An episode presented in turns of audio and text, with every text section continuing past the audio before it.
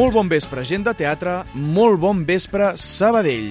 Benvingudes a l'Amunt al Taló, el programa que repassa les novetats teatrals sabadellenques i de més enllà a través d'entrevistes, reportatges, recomanacions i molt més. Ja estem a desembre i ja ha arribat el fred, el de veritat. Jo sóc molt més d'estiu, la veritat, i ja estic esperant a que arribi. És veritat, però, que amb Nadales, Pastorets, Tió i Escudella aquesta espera és molt més lleugera. Avui som dia 6, petit recordatori de que us mengeu la xocolatina d'avui del calendari d'Advent i que aneu a buscar l'arbre de Nadal i el pessebre al traster, que amb aquest cap de setmana llarg ja podreu deixar tota la casa guarnida. Com que el Nadal també està arribant al programa, avui farem una llarga estona de conversa sobre els pastorets. I ho farem gràcies a un equip on hi ha molts més àngels que dimonis, us ho asseguro. Un equip format per Laura Lozano a la producció, Elvira Frank, Jaume Pont, la veu del programa Francesc Asens i el nostre i la nostra tècnic d'avui, Beatriz Aguilar, amb l'ajuda de Jan Casamitjana. I qui us parla? Bernat Pareja. Passem a repassar els continguts d'avui. Amunt al taló. Alcem el taló, som-hi. Avui no ens visitarà la Júlia Stals. És una cosa que pensava que mai diria, però és així. Avui no ens visitarà. Per què? Doncs perquè sembla que els teatres de Sabadell també s'agafen festa. I ben fet que fan. Com hem comentat a la introducció, doncs, parlarem una bona estona dels pastorets amb el Pol Moix i el Manel Dalmases de la Faràndula i el Marc Mendoza del Sant Vicenç. Parlarem sobre els dos muntatges i farem un petit test per veure quan en saben. Després, el Jaume Pont ens vindrà a explicar històries del teatre sabadellenc a Entre Talers i Talons. Avui ens parlarà de teatres petits que hi havia a la ciutat. I per acabar, l'Alvira entrarà a la part final del programa per portar-nos la seva valoració de Solar, la millor obra que s'ha vist mai als escenaris catalans i al cine. Avui n'hi deixem fer tres. Endavant, doncs. Amunt al taló amb els teatres de l'Estar. L'entrevista. Arriba desembre i, evidentment, arriben els Pastorets. Una obra esperadíssima i que porta molta, molta, molta feina. Per descobrir com s'ha fet aquesta obra tradicionalíssima, al Sant Vicenç i a la Faràndula, els hem portat perquè ens ho expliquin. Del Sant Vicenç ha vingut el seu director, el Marc Mendoza. Bon vespre. Bon vespre, Bernat. I de la Faràndula tenim el Pol Moix, director, i el Manel Dalmases. Satanàs, què tal, com esteu? Molt bé. Molt bé. Primer de tot, us volia preguntar. Els Pastorets és una obra que eh, es fa durant molts anys i que normalment la gent que acaba dirigint, acaba fent els papers més importants, ha començat fent de, fent de fogainer, ha començat fent de poble, i que ja porta molts anys vinculat al projecte, i us volia preguntar precisament això, que quina és la vostra relació amb els pastorets? Bé, jo porto 20 anys fent pastorets, uh Mhm. -huh. això, començant des de pastoret petit, que diu ja venen, ja venen, i, i tota aquesta història, doncs, anar passant per Fúria, després, doncs, vaig fer de rovelló, també he participat com a tècnic de llums, eh, com a Josefé, com a pecat, una mica per tot arreu, hem Una mica comptant, tot. sí. No sé si és el vostre cas també, Pol i, i Manel. Sí, una mica, no tant de petit no, de pastor no, però jo havia fet, crec que el primer any va ser um, Fúria i Martinet, allò que tenia uh -huh. sus temps de canviar-te i entrar després Amics Bos Tenebrós, i després ja va ser a fer de Pecat, i però que després va ser ja Sant Miquel, l'any passat Sant Gabriel, i ara Satanàs aquest any. Mm -hmm. Jo en el meu cas és una mica diferent. Jo vaig començar una mica ja més gran, tenia 19 o 20 anys, que va ser el primer cop que vaig fer de fogainer. De fet, no havia vist els pastorets quan vaig començar a fer els pastorets. Vas actuar-hi abans d'haver-los vist. Sí, jo juraria que sí. De fet, sort que aquest any dirigeixo l'obra, perquè me l'he après de, de pe a pa. No, fora bromes. Ah, després, això, fogainer, vaig fer de pecats, també vaig dirigir la versió infantil, quan era monitor del TTI, Després vaig fer de Lucifer i l'any passat em vaig estrenar com a Jeremies i aquest any m'he tret el meu paper, que és el Jeremies, i no el faig aquest any. Uh, em comentàveu, uh, vosaltres, gent de la faràndula, abans de començar, que uh, teniu novetats per aquest any. Uh, no sé si ens les podeu explicar alguna coseta. Hi ha novetats en com us heu organitzat vosaltres? No sé si hi ha novetats també a escena. Home, doncs sí, eh, aquest any és el nostre primer any com a equip de direcció, que és una de les novetats. Aquest any hem fet una estructura eh, que forma part, eh, som set a l'equip, hi ha un director de dimonis per cada grup, un director de, de pastors, després hi ha uns, uns ajudants de direcció de, de cada grup, després tenim la figura que és uh, de direcció de producció, que fa de regidor i totes les feines de producció, i després estic jo una mica liderant aquest projecte.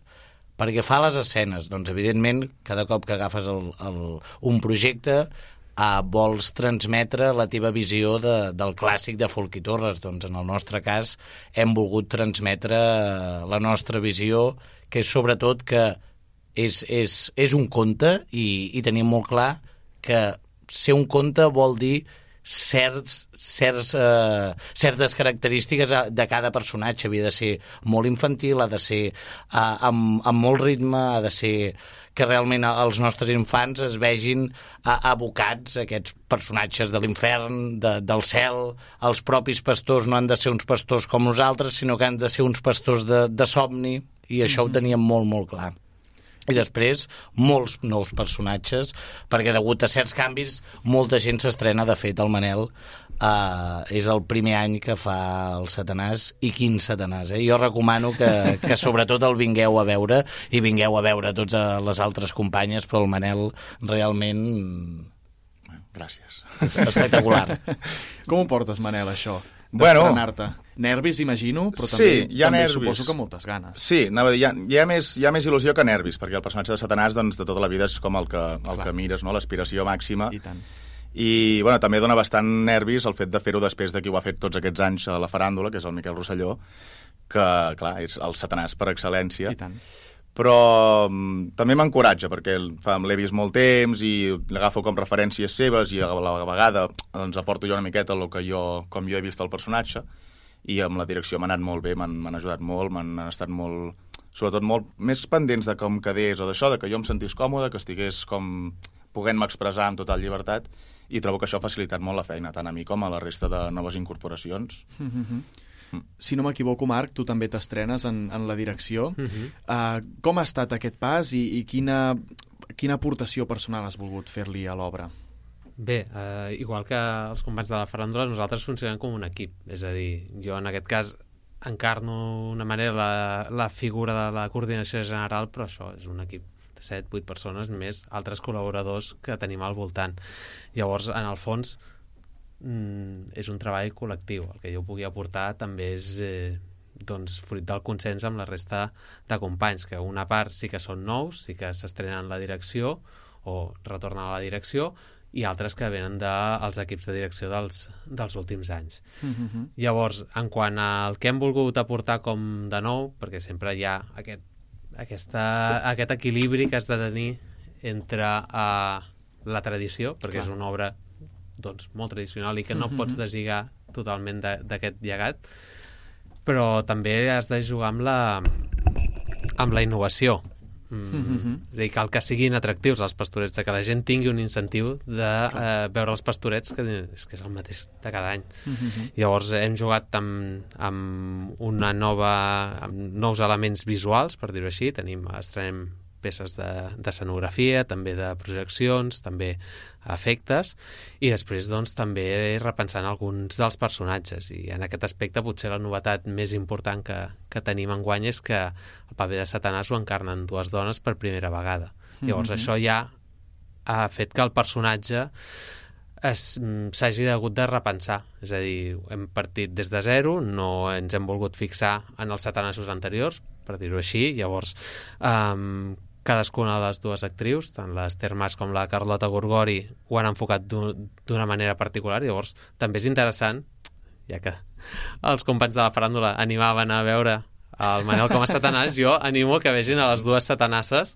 perquè cadascuna té el seu estil i a més, doncs, això suposa un trencament molt important al, a com s'estan plantejant algunes escenes i algunes situacions. Mm -hmm. Jo, com a persona neutra, eh, animo a anar als dos perquè la veritat és que és un exercici molt interessant de, ostres, eh, són dos dels millors pastorets, podríem dir-ne, de Catalunya, traiem una mica de pit amb, amb els pastorets que tenim a Sabadell, i la veritat és que tot i ser els dos molt bons, que a mi m'agraden els dos molt, eh, són molt diferents entre ells i trobo que anar i, i comparar doncs, eh, també és una cosa que, que, que, està, que està molt bé. Eh, això que comentava de, de les satanàs que ho fan eh, dones, hi ha des de ja fa temps el debat de Lluquet i Rovelló. Hi haurà algun dia on, on veurem Lluquet i Rovelló eh, fet per dones? No sé què, què en penseu vosaltres d'això. Bé, jo és un, un tema que també el tinc aquí eh, una mica a la màniga, en el sentit de aquest any doncs, vam assumir la direcció doncs, eh, ja ben entrat al mes d'abril-maig, llavors no hi havia gaire marge per fer molts experiments. Satanàs era fàcil de canviar, és a dir, no suposa canviar radicalment el paper, però tenim una mica l'interès de veure què ens podria portar doncs, canviar de gènere a, a Lloquet i Rovelló, que evidentment implicaria també un, una repensada molt més important de tota l'obra. Però bueno, l'opció hi és, i a mi m'agradaria en, en un futur proper intentar-ho. No, és, un, és un experiment, com a Mhm. mínim. No sé si vosaltres a la faràndula també, nova direcció, us heu, uh, us heu plantejat o decidiu enfocar-vos cap a diferents llocs pel que fa a la vostra direcció? De fet, no, no és quelcom que hàgim abordat com, com a equip de direcció, però el que està clar que les possibilitats són, són múltiples i, i al final mm, tot és possible. Tot és possible. uh, en els dos casos treballeu amb, amb dos repartiments diferents. Uh, com és el fet de treballar? Busqueu que siguin uh, personatges semblants als dos satanassos, als dos Sant Miquels, o doneu una mica de llibertat també a les actors, als actors i les actrius per, perquè facin una mica la seva versió dels personatges? Bé, nosaltres, bé, de- ja ho comentava en el cas de les satanasses, que tenen un estil diferent. Llavors, evidentment, doncs sí que hi ha certes coses que s'han de marcar igual, per una qüestió de programació tècnica de si el focus està aquí, Satanàs ha d'estar aquí, però sí que a mi m'agrada deixar llibertat de que cadascú li dongui el seu enfoc, igual que els, eh, les satanasses, igual els bailets, eh, Sant Miquel, Jeremies, etc etc. És a dir, són papers que es poden enfocar des de diferents punts de vista i el xulo, per dir-ho així, és veure com funcionen tant individualment com en relacionat amb la resta de personatges. Llavors, en lloc de fixar una, un corser com molt rígid, Clar. que tinguin, que tinguin maniobra. Doncs nosaltres, com ha dit el Manel abans, la nostra prioritat és que tot el repartiment es sentís còmode eh, actuant, que entenguessin el que estan fent i, i no tinguessin cap dubte i que no, no estiguessin fent autòmata com un autòmata perquè tota la vida s'ha fet així. La nostra prioritat ha, ha sigut aquesta. Com diu el Marc, ha dit molt bé, és evidentment que hi han certs punts o certes posicions que les hem de respectar, però cada personatge, com ha evolucionat, els hi hem donat certa llibertat en quant la nostra po- proposta artística i la visió que teníem de cada personatge s'hagi respectat, perquè això sí que ho teníem molt clar què volíem transmetre amb cada personatge, amb quin estil el volíem, però després, tot i això, els hi hem deixat la llibertat dins els límits. Mm -hmm. Tu, Manel, deies que t'han ajudat molt a, a l'hora de dirigir. Has notat també aquesta llibertat a l'hora de, de proposar, de, Sí. de fer-te el teu, el satanàs? Sí, sí, sí, sí. També, clar, en estrenar-me amb aquest paper tan gros, he pogut com anar mirant, en plan, vale, partim de zero i anem a repassar ben bé què, com diu això i per què està dient això i què vol dir quan diu depèn de quines frases i, i m'han ajudat molt realment a, des de direcció de dir això que estàs entenent per què dius això i et sembla correcte fer-ho així? I trobo que ha sigut una ajuda bastant, bastant important que també va, va junt amb això que dèiem de que els dos repartiments no facin exactament el mateix paper sinó que cadascú pugui expressar-ho doncs, com ell ho, ho, ho troba més, més còmode. Mm -hmm. Per parlar una mica de pregunta més típica, no? però del procés, eh, començarem, si vols, amb, amb tu, Marc. Eh, com heu començat? Veu fer primer lectures, ho veu portar directament a escena i, i anar parant a poc a poc, primer passar-ho tot i llavors ja anar buscant profunditat? Com, com ho veu fer per, per muntar l'obra? Bé, nosaltres vam començar a assajar el mes de juliol perquè com hi havia les satanasses doncs vam començar amb lectures, de que es familiaritzessin amb el text, de que comencessin a relacionar-se, per dir-ho així, amb altres personatges, és a dir, sobretot Lucifer i els bailets, llavors ja començar a generar doncs cosetes, per dir-ho així, fent només lectures. I llavors a partir d'aquí doncs ja començar doncs, eh, no tant a marcar una escena, sinó que fer noves lectures, per dir-ho així, però ja doncs, sobre l'escenari, que es anéssim movent lliurement, que anéssim veient amb què podíem jugar i llavors ja un cop ja més eh, tranquils amb el text, més familiaritzats amb el personatge, doncs um, començar ja a marcar més seriosament com són les escenes, com havien de ser i acabar de perfilar això, un diàleg entre els actors i l'equip de, de direcció. Mm -hmm. I en el vostre cas? En el nostre cas, nosaltres el primer que vam fer, sobretot amb, amb els personatges principals, eh, era l'estiu o principis de setembre i ens vam, jo em vaig reunir amb, amb cada un d'ells i va ser una conversa, primer, com veien eh, cada personatge, vull dir, el seu personatge. Després analitzàvem amb els diferents personatges que, que es trobaven dins l'obra i aquests personatges quina, quina opinió tenien d'ells o quina sensació els hi transmetien. Uh, I després els hi vam explicar quina, quina proposta de personatge teníem. Per exemple, amb el Manel, doncs vam parlar de... Els hi vam explicar quins referents a nivell uh, cinema havíem imaginat per, per, per Satanàs. I després, un cop vam entrar a la sala d'assaig, uh, el Manel, si ens centrem en el Satanàs, uh, actua amb una parella de Lloquet i Rovelló que ja hi era l'any passat. Per tant, vam començar a treballar amb el que ells ja tenien muntat a nivell de moviments. Mm -hmm. I a partir d'aquí, mica en mica, doncs, el Manel, a nivell mobilitat, es va adaptar a aquesta, a aquesta dinàmica del muntatge, però ell va començar com a personatge a posar, mm -hmm. a posar la, seva, la seva essència. Mm -hmm. Després hi ha hagut escenes eh, amb molta gent, amb pastors, que ho vam muntar, vull dir, un paper, ens vam imaginar com havia de ser els moviments en cada punt, i després hi ha hagut escenes uh, per exemple, Roques i Tenebres, que aquesta la tenia molt clara i la vaig muntar des de, des de zero perquè la tenia molt, molt visualitzada. Mm -hmm. Una de les avantatges que té el, el Teatre Sant Vicenç és el fet de poder assajar ja l'escenari on es farà uh, la peça des de, des de, vaja, des del primer assaig. Uh, no sé si això ha sigut un avantatge, imagino que sí. No, no et pots comparar amb cap altra cosa, però imagino que us ha anat bé el fet de situar-vos ja a l'escenari des del primer dia. Sí, però amb matisos, és a dir, teníem eh, muntat a l'escenari a l'escenari doncs, l'escenografia de Descendents, que era bastant voluminosa, per tant, doncs tampoc teníem el 100% l'escenari. Mm -hmm. eh, evidentment, el que tu pots marcar a un escenari que, o en una sala d'assaig a l'estruc és molt diferent. És a dir, a la sala d'assaig de l'estruc doncs ho tens una mica, és una situació imaginada. Sí que tens més o menys els espais apamats, però sempre falta aquella cosa que amb l'escenari sí que tens, però bé, fins que no ha acabat descendents i hem tingut l'escenari ja completament lliure, doncs realment no hem tingut l'escenari com a tal per tenir clar on estarà tothom en el lloc exacte. Llavors, uh mhm. -huh. doncs, sí que és un avantatge, però durant les últimes setmanes. Clar. Manel i Pol, us he de fer la pregunta contrària, no? de, de sí. si per, s'ha sigut complicat assajar en una sala de l'estruc que potser és més, més freda que no pas sobre l'escenari directament. Hmm tenim, tenim la sort que tota la vida, bueno, almenys jo sempre que he fet teatre ho hem assajat a l'estruc i ja estàvem fets una miqueta a, a la situació aquesta, però sí que és veritat que estic segur que ajuda molt estar al teatre, perquè jo, per exemple, sortia també a la DI, i uh mhm. -huh. estàvem poder algun dia fent proves de micro de la DI i estaves, per, estaves per lo que has d'estar perquè estàs fent a la DI, però penses, vale, d'aquí uns quants mesos estarem aquí fent de satanats i et donava realment el valor aquest de, ostres, va molt bé realment, trobo, segur, estar a assajar en el lloc on ho, on ho faràs.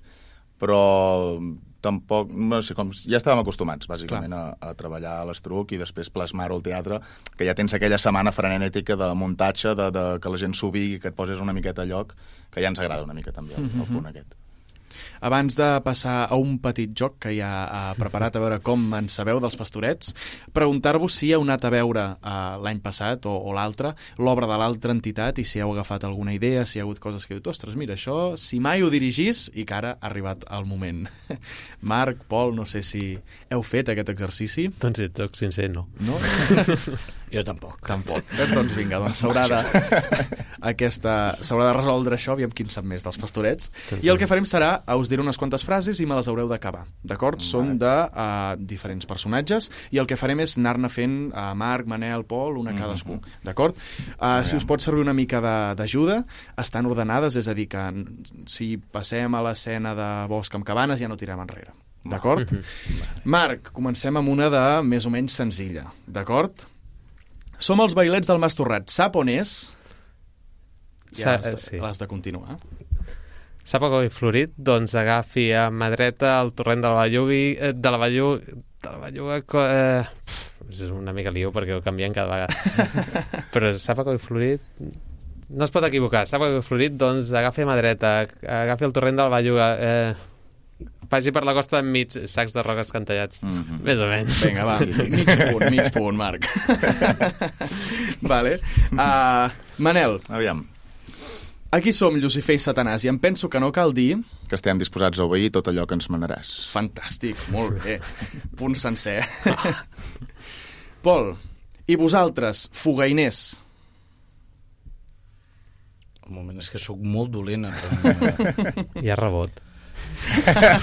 I vosaltres, fogueners? És teva, Com és que té molt poquet, heu de...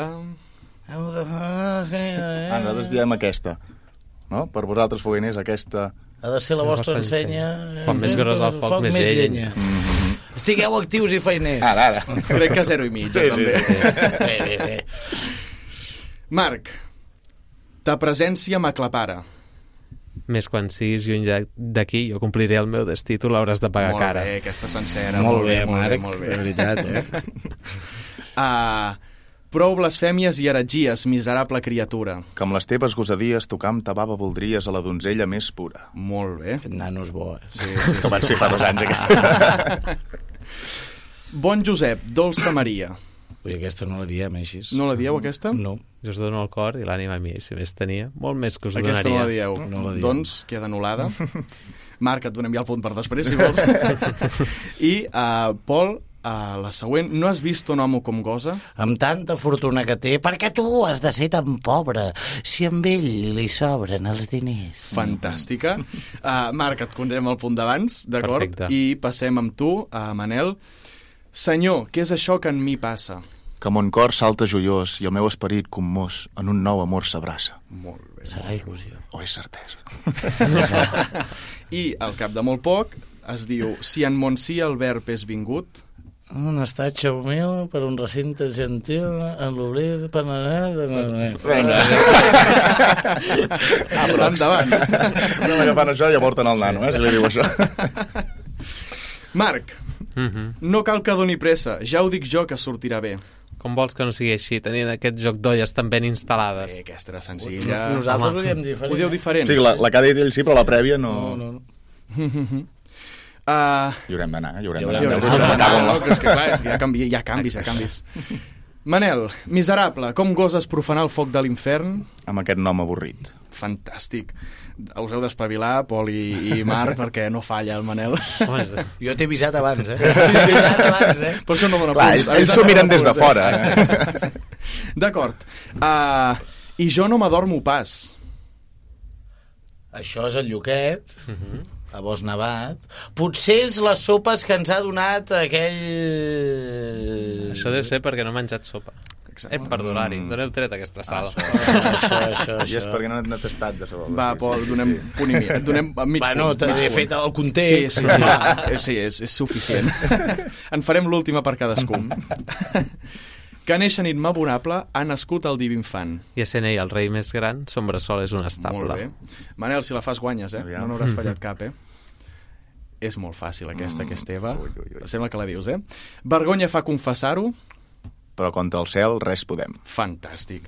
A veure si el, el Pol acaba la última també i fem una última ronda perfecta amb el que hem de fer és escampar-nos pel món For, fem fo- força propaganda als ídols i què és? M'encanta el maxembrat, el remix de Pastoret. És que Tots els m'ha passat molt, però passat molt dirigint que no em sé del tot el text, però les intencions i l'objectiu el tinc clar, que és la meva feina. Exacte. Ah, no, tu sí, no sí. Sempre això, quan dius això que dius... Eh, eh? És això. Fantàstic. Doncs, Manel, uh, felicitats. Guanyat, bueno, Has guanyat. Uh, suposo que també el fet de sector, però director, us haureu de posar les piles. Res, uh, ja ho sabeu. Si, si us ha interessat, doncs aneu a veure els pastorets, tant els de la faràndula com els del Sant Vicenç. Com que hi ha molts dies de Nadal, jo us recomanaria, uh, com us dic, que anéssiu, anéssiu els dos, perquè són interessants uh, els canvis que proposen. Uh, els dos tenen propostes uh, molt interessants i novetats molt interessants per aquest any, amb tota la tradició d'una pila d'anys que ja, ja arrosseguen. Doncs, Marc, moltíssimes gràcies per, per venir. Gràcies a tu. Manel, Pol, també moltíssimes gràcies a vosaltres. Jo, per acabar, tinc un Sisplau. petit detall. Que potser aquest any és l'últim any que portem la proposta que, estètica que portem 20 anys fent-ho. Ostres. Que hi ha el risc de que es canvi, o sigui que és un molt bon any per, poder-nos despedir com cal. I tant. I tant que ho és. Doncs escolta, uh, si no m'equivoco, les entrades de les dues entitats ja es poden comprar. Sí. Feu-ho perquè veure'ls des d'un bon lloc és, és ja encara millor per, per l'experiència. Doncs res, moltes gràcies i seguim amb el programa. Amunt al taló, al teatre de la ciutat, a la ràdio. Entre talers i talons.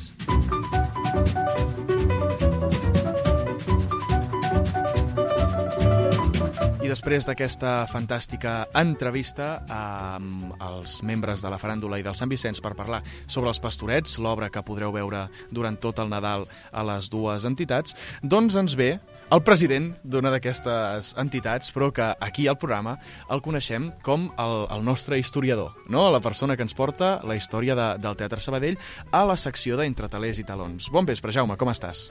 Bon vespre, Bernat. Sí, mira, són desgràcies que passen a la vida. No, desgràcies no, que ho faig amb molt orgull i estic molt satisfet de, de poder fer les dues coses. Eh, i, I al final és el que dic sempre, poder combinar dues passions que tinc a la vida, que són la història del teatre i, i per tant, és un, i, i una tercera, que és la ràdio, que és un altre plaer també. O sigui que estic molt satisfet de poder fer les, totes aquestes coses. I amb combinacions com aquestes surten seccions fantàstiques. Una més que avui ens portaràs, on ens parlaràs sobre teatres petits de la ciutat. Sí, teatres petits i de fa uns quants anys ja, eh? O sigui, um, avui parlarem, si fins ara hem estat parlant de, dels grans espais escènics i dels grans uh, equipaments culturals de, de finals del segle XIX, mitjans del segle XX, que han sigut doncs, el Principal, els Campos, l'Euterpe, el Cervantes, el Colón, doncs um, avui ens centrarem en tota una sèrie de, de petits locals, de petits teatres, que potser doncs, de vegades eren força precaris i eh, que es van anar eh, instal·lant, es van anar mm, construint o més aviat construint, adaptant a locals des de això, finals, des de 1870, més o menys, fins a, fins a principis de, de, del segle XX. I, I a més a més també, com que estem, eh, que se'ns acosta la, la Marató, eh, avui també farem una secció col·laborant amb la Marató perquè, eh, Bernat, no sé si de, què, de, aquest any de què va la Marató? Sí, sí, sí, ho tinc, ho tinc bé al cap. És, si no m'equivoco, la salut sexual i reproductiva. Exactament, exactament. Doncs, doncs això. Um, també parlarem de, de, de, de salut sexual i reproductiva, encara que sembli una cosa molt estranya, com acabar lligant tot això, però, um, però sí, sí, diguem-ne que l'entretalers i, talers, i talons d'avui doncs tindrà una part de, de col·laboració amb la Marató. A veure amb què em sorprèn, Jaume. Quan vulguis. Doncs mira, aviam, si, si dels grans teatres podem dir que, que només en queda un, d'aquests de petits, el panorama és de, només en queda un eh, funcionant, eh, que és el teatre principal. Uh, dels petits, realment, de, és, el balanç és devastador. Uh, i, i ho anirem veient durant aquests dies perquè ja dic que eren espais molt precaris, eren espais que no tenien un ús destinat a teatre, sinó que adaptaven el local per poder, doncs, eh, per poder doncs, fer aquesta, per poder fer teatre, no? per fer, o teatre o, o fer-hi representacions de tipus escènic i, com ara, doncs, també recitar poesies, eh, cantar doncs, eh, cançons o fer petits números musicals. Uh, I hem de dir que, recordem que estem en aquesta època, que ja vam explicar al principi de les primeres, les primeres seccions de l'Entretalís i Talons, que el moment de, de, de, de més... Uh, que el teatre tenia més difusió i que es considera que el teatre era com una mass mèdia, que era un, un element doncs, de, de lleure molt important és aquesta època que va des de finals del segle XIX i fins a mitjans del segle XX, perquè realment és el moment que, mica en mica, la societat industrialitzada, doncs la gent, la, la, la població cada cop té més temps de lleure i, i per tant, el tenir, necessitar doncs, tenir més, més, més lleure, les distraccions que hi havien bàsicament eren teatre. I, per tant, aquesta època és l'època daurada del, del teatre, eh, eh, tant a Sabadell com a tot Catalunya. A més a més, també, ara que parlem d'aquests teatres petits, hem de dir que eh, en aquests teatres petits justament és els que vivien més allunyats de, de la vida burgesa i, i estaven més a la, hi havia els entorns més populars. I per això parlarem i veurem com molts d'aquests teatres tenien un punt, un caire doncs, obrerista, un punt més progressista, amb idees més d'esquerres, que no pas eh, els grans teatres, els grans equipaments que, que hem parlat fins ara.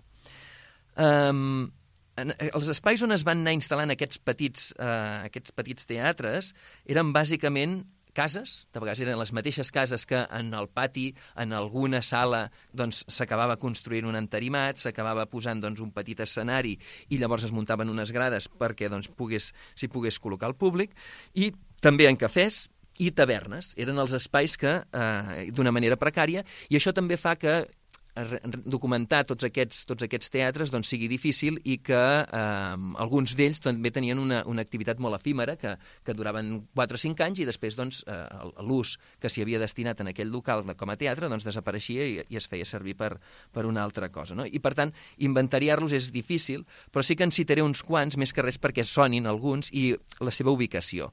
Dels que més es tenen, que, que es tenen més coneixement, des, durant els anys 1870-1880 va existir Cal Madrat, que estava al, al carrer Migdia, val, que queda cap allà al darrere la, plaça, la plaça del Gas. Um, després també va existir el Teatre Guitar, que estava al carrer Sant Honorat, que queda, doncs aquí estem a Ràdio Sabadell, doncs una miqueta més amunt de Ràdio Sabadell. Cal Tres Quartos, que era la plaça Marquilles, que és aquesta plaça que hi ha al final de, entre el carrer Sant, Quir Sant, Sant Quirze i carrer Sant Cugat, aquell espai que queda allà doncs allà hi havia un, un teatre que li deien Cal Tres Quartos, després en el carrer Salut també hi havia el Teatre La Lira, i eh, eh, proper també en el carrer Salut, però ja cantonada amb el carrer Convent, que està aquí al costat de la ràdio també, Cal Quim. De tots aquests teatres tenim poca informació i a vegades doncs, són recollides només de fonts orals i sabem poca cosa. Però sí que hi ha alguns que ha eh, que, que van, van, van desencadenar aquest... Eh, van, van, van, van suposar que es creessin entitats de culturals de més envergadura. I un d'aquests teatres va ser el Teatre Cal Lirus, que també eh, estava publicat... Sembla que aquí al voltant de la ràdio hi ha com una atracció especial perquè també estava ubicat al carrer Doctor Puig i participava, eh, almenys el que es té documentat és que hi participava Salvador Ribé, que va ser un alcalde durant la Segona República. Hi ha un carrer, allà a la zona de Torre Guitar, que es diu alcalde, el carrer d'Alcalde Ribé. Doncs eh, eh, veiem que a principi, això, estem parlant de, de finals del segle XIX, doncs hi ha eh, aquest, aquesta persona de manera doncs, eh, amateur, però va estar participant en aquest, en aquest teatre de Cal Lirus. Ja veiem, per tant, que era una persona d'ideologia d'esquerres, doncs, perquè va acabar sent alcalde durant la Segona República pel, pel Partit Republicà. Un altre també dels, dels teatres destacats era el Teatre Parreño, que estava situat al que ara és l'Hotel Suís, que llavors es deia Cafè Cal Soler, i que va funcionar aproximadament entre el 1885 i el 1990. D'aquest teatre va sorgir també en Valentí Gorina, que a més a més ja venia de l'anterior teatre aquest de Cal Lirus, i també en Pere Martí Peidró, Peidró, Peidró, eh? Peidró, no Peidró, Peidró que justament aquest en Pere Martí Peidró serà una persona destacada, de, serà un escriptor, serà un dramaturg i serà també un historiador de la ciutat destacat durant els anys 20. I eh, tot, aquest, tot aquest, aquest grup de persones, tant el, el, el Valentí Gorina com el Pere Martí Peiró, són els que, a partir de 1898, crearan, deixaran, perquè el, el, el Teatre Parreño es va trencar, es va tancar el, el 1990, doncs tanca, um, crearan un, un, una entitat que es dirà el Centre Líric i Dramàtic. Aquesta entitat tindrà una certa rellevància. A partir de 1898, fixa't que estem parlant de, de temps enrere, eh? de, fa, de fa més d'un segle. Aquesta entitat, tot i que no es volia definir políticament amb cap partit o cap moviment del moment, sí que tenia com a objectiu el foment de l'activitat cultural, però amb la voluntat de formació de les persones. Val? Ja tenia una, una, una voluntat de, de, de formació, però en un sentit progressista. I vull llegir un, un, el primer punt dels estatuts perquè, per veure una mica, entendre exactament quina era la, la, la intenció d'aquesta entitat del Centre Líric i Dramàtic. Líric i Dramàtic. Diu, tindrà per únic objectiu per únic i exclusiu objecte el foment i el cultiu de les arts i les lletres i de totes les manifestacions, per així fomentar la cultura, instrucció i educació dels seus socis. Els mitjans conduents a aquesta fi, que suavitza els costums, agermana i civilitza l'home, han de ser la representació d'obres dramàtiques i líriques, lectura de llibres i periòdics, la celebració de vetllades literàries i musicals, concerts, certàmens literaris i artístics, exposicions, conferències, etc etc, i tot el que contribueixi a la propagació dels coneixements científics, literaris i artístics. Val? Per tant, hi havia aquesta voluntat formativa, però amb una, amb una intenció bastant eh, progressista i bastant d'esquerres. Aquesta, aquesta entitat primer es va instal·lar al carrer Doctor Puig, al mateix carrer de la ràdio. Ja dic que aquí al voltant hi ha un pol, hi ha el carrer de les Comèdies que està aquí al costat, però era, és, un, és un pol on sembla que s'hi van anar instal·lant diferent, diversos, diversos teatres. Um, després es va traslladar al carrer Sant Pau, cantonada amb el carrer Les Planes, que llavors era el, el que es coneixia com el Teatre de l'Ateneu, era l'Ateneu. D'aquest local de l'Ateneu, on es va instal·lar l'entitat, la veritat és que no he trobat gaire quin és el seu origen, però sí que és veritat que serà un espai que té un, tindrà un, un progrés important, perquè de, de ser el Teatre de l'Ateneu va passar a ser el Teatre del Centre Líric i Dramàtic i després, un cop va desaparèixer aquesta entitat o va, va haver de marxar d'aquest espai, es va convertir en el Teatre Esbarjo, que durant els anys 30 serà un, un teatre molt important, i després de la Guerra Civil es va convertir en el Teatre Alcàsser, que recordem que el Teatre Alcàsser va ser el teatre on la joventut de la faràndula va actuar per... va, va ser la seu de la joventut de la faràndula doncs, en els seus inicis, i després aquest espai es va convertir en el que molts... Bé, jo, de fet, hi vaig anar al cinema, eh, va ser el cineart multisales del carrer Les Planes, i, per tant, aquest espai, que no l'hem comptat com a aquest gran teatre, però aquest, aquest, com un dels grans teatres, perquè tampoc no existeix, però tampoc no, no hi ha molta documentació al respecte. Però sí que penso que és un espai que és interessant i que potser és un dels que s'hauria de, de mirar d'estudiar més. Bé, amb el que estava explicant, Um, tornem a principis del segle XX, amb el Centre Líric i Dramàtic, que s'instal·la en, aquest, en aquest espai del que llavors era el, el que havia sigut l'Ateneu, i era un nucli de personalitats amb una mentalitat força progressista, amb els sectors obrers i republicans, i que tenien la voluntat d'utilitzar el teatre per, denu de, per denunciar, per moralitzar, eh, la, la, per moralitzar i eh, millorar la vida dels treballadors, bàsicament. Un exemple d'això, i aquí ja és on anem a la marató, va ser la representació en el Centre Líric i Dramàtic de l'obra d'Eugène Bries, Les Avaris, en francès, eh? Les Avaris, que es representà el 27 de gener de 1906 amb el títol Els Tarats. En català es va traduir amb el títol dels Tarats. I estigué precedida per una conferència d'un metge de Barcelona especialista en la malaltia de la sífilis, el doctor, doctor Narcís Serrallac, que va explicar l'ús del preservatiu, estem parlant del 1906, eh? L'ús del preservatiu per prevenir les, les malalties de contagi sexual. Aquest autor francès, l'Eugène Brieux, era un dramaturg de teatre didàctic, que és una mica la, la mateixa funció que tenia el Centre Líric i Dramàtic, i amb aquesta obra parlava d'una història que es barrejava amb un senyor que tenia la sífilis i l'amagava davant de la societat i anava contagiant, va anar contagiant. Um, que recordem que la sífilis és una malaltia infecció de, de transmissió sexual que, a més a més, a, a principis del segle XX encara no hi havia el remei, no hi havia s'havia trobat el remei, i que causava la mort, a, vull dir que causava la mort a, a bona part de la població. I, eh, I, a més a més, aquesta obra, concretament a França, va ser prohibida per tractar aquest tema, que era un, com, era un tema tabú, el tema de la sífilis, doncs era un tema tabú per la societat eh, benestant de l'època. Per tant, fixeu-vos com d'avançats eren tot aquest, en aquell moment doncs, eh, fent aquest tipus de teatre de divulgació, de, de prevenció de malalties de transmissió sexual. I això, eh, el Centre Líric o Dramàtic, gràcies als membres més actius, va suposar, aquest, aquesta, tota aquesta, la representació d'aquesta obra de teatre, va suposar que davant la, la societat conservadora del Sabadell de l'època, doncs ja dèiem que el centre líric no estava um, ubicat en cap, um, cap moviment polític, però sí que la part conservadora ja va anar, la part conservadora de, de, de l'entitat ja va, uh, va anar sortint del que era l'entitat, perquè veia que s'estaven tractant alguns temes que no, no, no anaven d'acord amb el seu pensament. I, a més a més, ja es, a, a nivell general es va començar a veure el centre líric, que això va ser segurament una de les causes del seu tancament, es va veure com un antre de, de, de corrupció, de tractar temes doncs, això sexuals en una societat doncs, com la de 1906, que tots aquests temes tabús doncs, que, que, bueno, que tractats doncs, així tan obertament doncs, era, era vist molt mal, d'una manera molt negativa. No serà fins al 23, fins, a, a, fins, fins l'any 1923, no, fins 23 anys més tard, que es va tornar a representar a Sabadell aquesta obra de Brier, i a més a més en aquesta vegada també amb, amb un doctor que va fer recomanacions, i això va ser el Ciervo, també, l'abril de 1929. Val?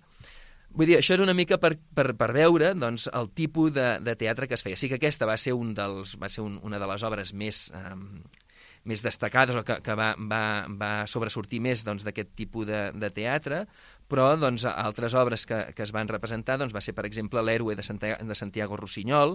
Recordem que era una obra, uh, l'Héroe de Santiago Rossinyol, que tractava, que, que, que denunciava els abusos colonials i, i les matances inhumanes no? I, la, i, i la discriminació racial, per tant també era una obra mm, progressista i representada doncs, en aquell moment, que a més a més el Teatre Romea es va, no es, es va prohibir, vull dir que no, no es va representar doncs, tres o quatre representacions i després es va, es va prohibir, en canvi aquí a Sabadell, doncs, un cop ja prohibida en el Teatre Romea, es va venir a, a representar, i amb tot això, amb el bagatge del centre i, i, i per tal de, de poder representar, o sigui, amb tot aquest bagatge, eh, hi va haver un grup que va una mica doncs, voler mantenir aquest tipus de teatre i es va voler separar de, de, del centre líric i crear un grup propi. Per això, Bernat, em sembla que, veig que de temps anem una miqueta ja justos, si et sembla ho explicarem a la propera, al proper capítol d'Entre talers i talons.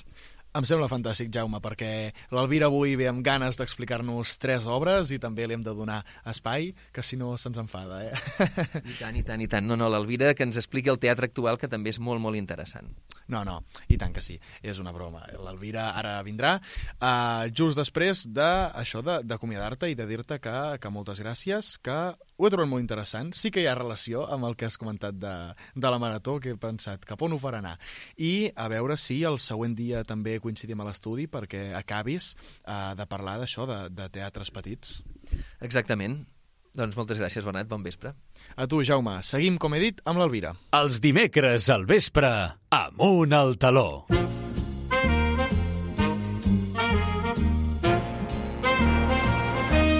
Teatre de Franc.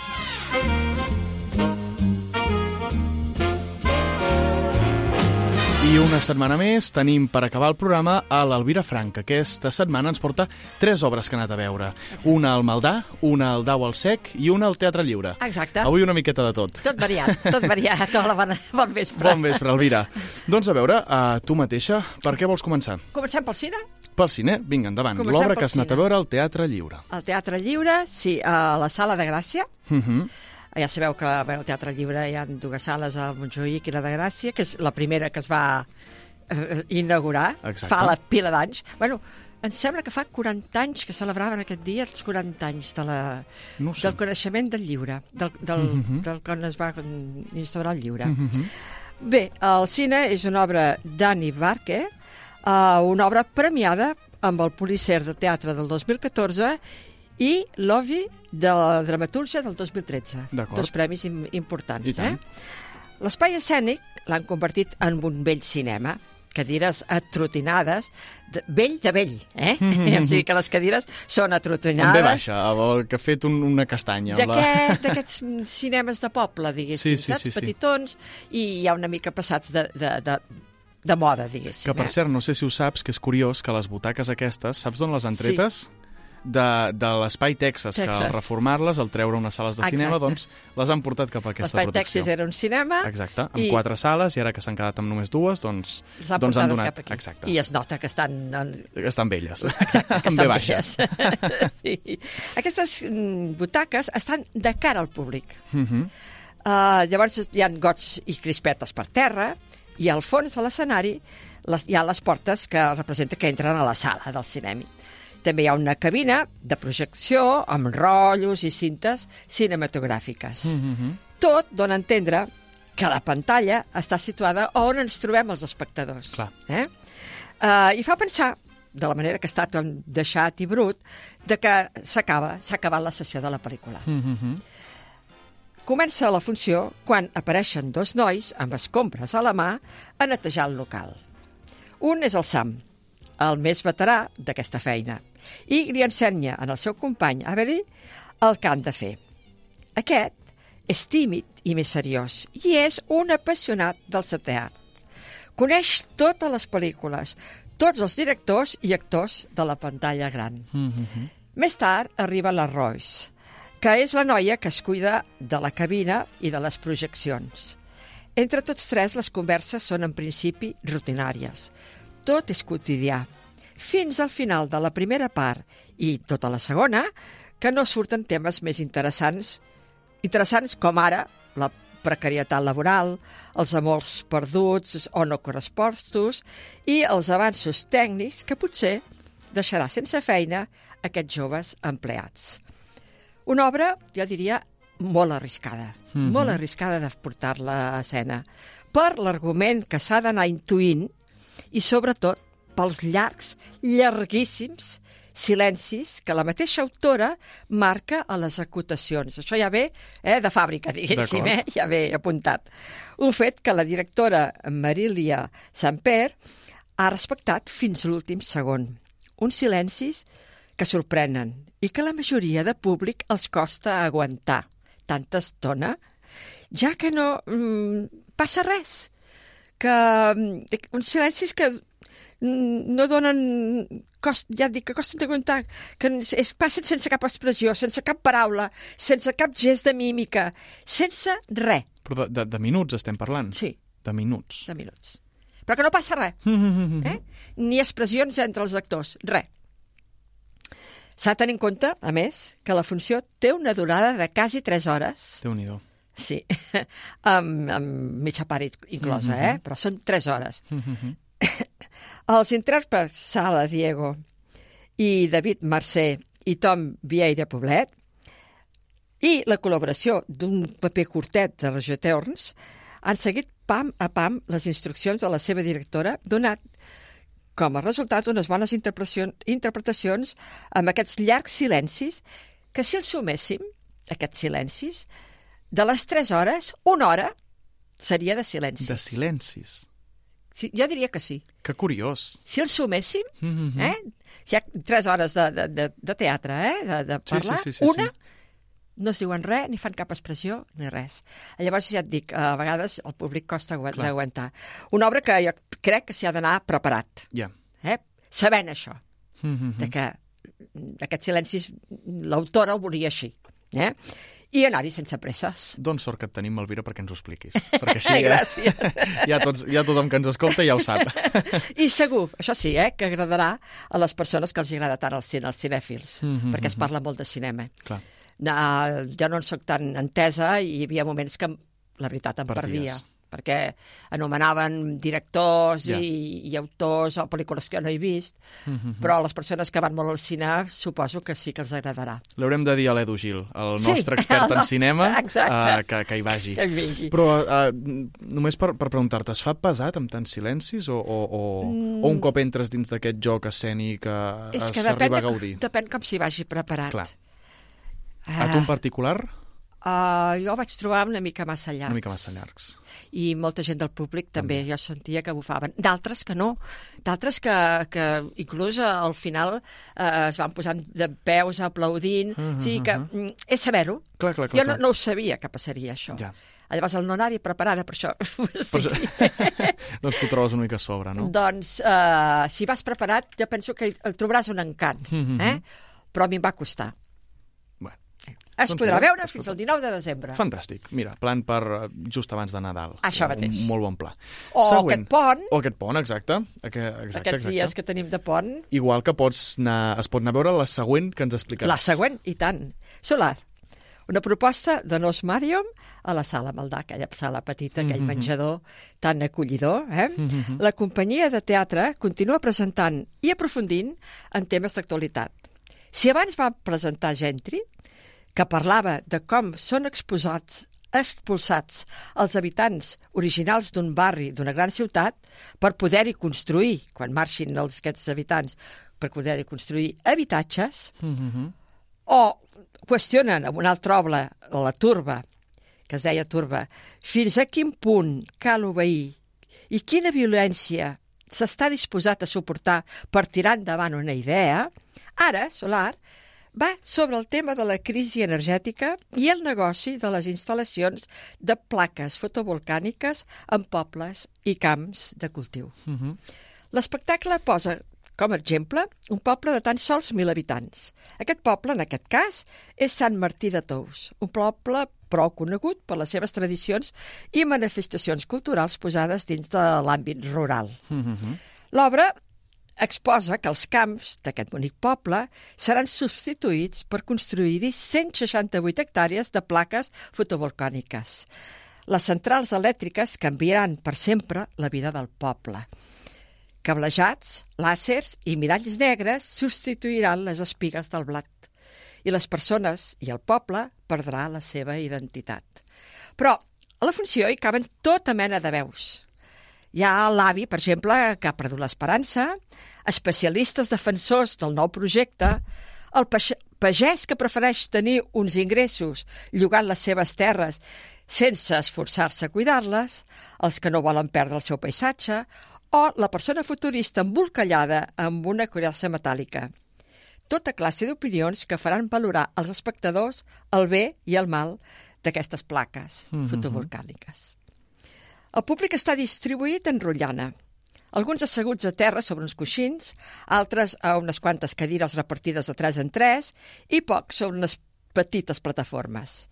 Les actrius Martina Tracerra, com a nova incorporació del grup, la primera obra que fa amb aquest grup, l'Alba Villaura, creadora del text, junt amb l'actor Ireneu Tranis, també creador i director d'aquest espectacle, es va movent entre els espectadors representant diversos personatges, donant-los a cada un el to i el posat mm, més, més adient, eh? Mm -hmm. I, I, a més a més, molt bé, molt notablement. Molt protagonisme també tenen els efectes d'il·luminació amb llums de LED projectades d'un recipient de fang. Per acabar, amb una preciosa cançó que el públic, qui ho vulgui, podrà acompanyar cantant. Una presentació que ja diria que és una classe de medi ambient, per valorar si les noves tecnologies són necessàries per combatre el canvi climàtic o tot el contrari. També uh -huh. pot ser. Eh? Una interessant oferta que es podrà veure fins al 17 de desembre. Mira, aquesta hi vaig anar aquest cap de setmana. I, I què tal? Em va semblar molt interessant a mi. El tema, el com està enfocat, el tema de, de, de també la il·luminació amb llums làser i sí. tal, la vaig trobar molt, molt bonica. Molt original. I, I que el camí que fa, com de, de primer barrejant completament eh, la tecnologia amb la tradició i llavors com fent una crida al tornar al passat i tal, a mi em va agradar molt. Sí. A mi jo m'ho vaig passar. Sí, sí, la vaig gaudir, són 70 minuts, sí. és, és teatre documental d'uns 70 minuts i, i a mi se'm va fer curta. Mm -hmm. A mi m'hauria agradat una estona més i tot de, de que m'expliquessin, de que em diguessin i, i ja et dic, em va, em va agradar bastant. Sí, mm -hmm. és l'estil que los Marium sempre treballa, mm -hmm. que sempre fan en, en plan d'això, de, de documental, però sempre amb un tema molt interessant I, tant, i, tant. i, i, i amb posades escenes molt innovadores. Mm -hmm. Doncs vinga, va, passem a la última. Passem-la. Una que trigaràs més a dir el nom que a la de dir Quasi la crítica. Sí. a més a més, cada paraula l'han escrit en majúscules. D'acord. Perquè sabem que és molt important. L'obra es diu La millor obra que mai no veurem als escenaris catalans. Mm -hmm. Quasi bé, eh? Sí, ja està, gràcies Elvira, fins la setmana vinent. Quasi que sí. El grup The Amateurs Company uh. -huh. i ho, ho estan actuant a la sala d'Au del Sec del, del Poble Sec, eh? Uh. -huh. pujant cap a Montjuïc. Sí. Un carrer amb una, una pujada. Una estoneta. sí, però és un local molt bonic. Sí, és xulo. Sí, sí, sí. Sí. Uh, doncs si has estat en aquest uh, espai, al fons, aquesta vegada hi ha les grades per una banda, i al fons de l'espai escènic està decorat com pintat d'un piset petitó. Coquetó, però pintat, eh? No és, no és que, No que ho volen imitar, sinó que es veu Està ben pi- pintat. pintat, eh? Com uns dibuixos de nens. També les cadires i les taules són de cartró, tot està configurat així, eh? Lectors, que en el centre hi ha cinc lectors que fan els exercicis abans de començar la funció els típics exercicis de, que es fan als actors. Sí, sí, eh? sí. Quan s'apaguen els llums, el director i autor de l'obra, l'Ivan Andrade, es dirigeix al públic anunciant la funció, dient de que està molt content, de que hi hagi anat, que esperen que els agradi, etc. Eh? Ràpidament va a seure's a la taula de so, que és en un costat de l'escenari. Allà hi ha la tècnica. La Rina Ota. Parlen entre ells i alguna cosa hi ha alguna cosa que no els funciona. Es discuteixen, eh, es veu que no acaben de lligar, tarden uns minutets eh, a, a, a posar-se d'acord. Després d'una estona, la noia agafa uns papers i es disposa a explicar l'argument i altres coses de la funció. Al fons hi surt el text en forma de prompter, allò que fan per la tele, sí. eh? i ella va llegint a davant, D'acord. però amb una gràcia extraordinària, excel·lent i divertida tota l'actuació de la físicament menuda actriu i gran en les seves intervencions que anirà fent al llarg de l'obra. Comença la representació. Ja han dit que era un piset, que s'hi troben dos nois i una noia que el comparteixen. Ella és dramaturga i ells dos són actors. Tots tres formen una companyia de teatre independent, aquestes companyies petites mm -hmm. que, que tantes n'hi ha a, en el nostre territori. Acaben de guanyar un important premi amb la seva obra. Però no serà tan fàcil per poder-la representar. Guanyen premis, però a on la representen? Com la representaran? Ens parlen de la precarietat que viu la majoria de les persones que es dediquen a fer teatre, de com han de compaginar feines inestables donant classes eh, uh, extraescolars, de teatre, etc, i les poques actuacions que els surten. Del difícil que és obrir-se camí en aquest món, de comptes i més comptes per arribar a fi de mes, de com han d'anar picant portes per mostrar el seu treball i que no se n'obre cap. Però ho fan amb un to sumament divertit i còmic, molt, molt divertit. Mm -hmm. Anomenant és que és molt bo, la majoria de teatres i noms reals dels directors i de les grans sales barcelonines. Mm -hmm. Surten totes. Tres brillants actuacions de la Cristina Terci, Xavier Lomà i Jordi Siurana, que cada un compta amb un esplèndid monòleg, enmig de les actuacions conjuntes, on ressalten la seva personalitat i les trifulgues de les seves vides artístiques. Un text ocorrent, crític, esbojarrat i molt real, molt real. Jo penso que s'hi poden sentir identificats molta gent que es, que es dediquen al teatre, mm -hmm. tant sigui amateur com professional. És tal com és, en moments més seriosos que defineixen l'esperit sentimental que tenen els comedians. Una comèdia per reflexionar sobre el món cultural i de com està tan mal muntat. Per acabar, una recomanació. Si hi aneu, llegiu el programa demà i continueu rient. D'acord. Real és, és boníssima. Uh -huh. La podreu veure fins al 10 de desembre, eh, com he dit, a la Sala del del Sec de Barcelona. Però espero que facin gira, segurament que en faran, i que es pugui veure en molts llocs, ja que l'obra s'ho val. Fantàstic, doncs, recomanació feta. Elvira, moltíssimes, moltíssimes gràcies per aquestes tres recomanacions. Marxes de por o no vas al teatre? Vaig a teatre. Vas a teatre. doncs això vol Potser dir... Potser marxaré algun dia, però ja, ja això ja no ho dic. doncs això vol dir que dilluns vinent tindrem més recomanacions. Oh, tant que sí. Moltes gràcies, Elvira. A vosaltres. Que vagi molt Adéu-siau. Amunt al taló.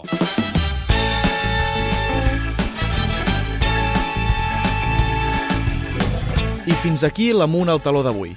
Moltes gràcies per escoltar-lo. Sabeu que el podeu rescatar, aquest programa i tots els altres, a la carta, al web de Ràdio Sabadell. Seguiu-nos també a les xarxes, a Instagram, arroba amuntaltaló.està i també a Facebook.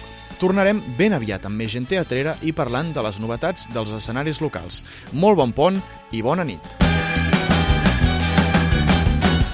Amunt al taló.